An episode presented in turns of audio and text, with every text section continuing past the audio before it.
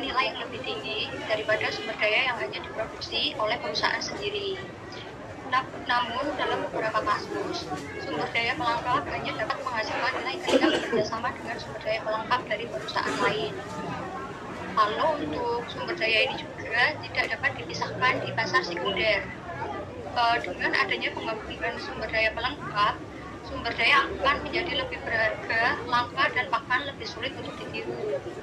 Uh, aliansi ini juga menghasil, menghasilkan kekuatan kompetitif yang lebih kuat dibanding dengan perusahaan yang beroperasi dalam isolasi atau dalam ketertutupan.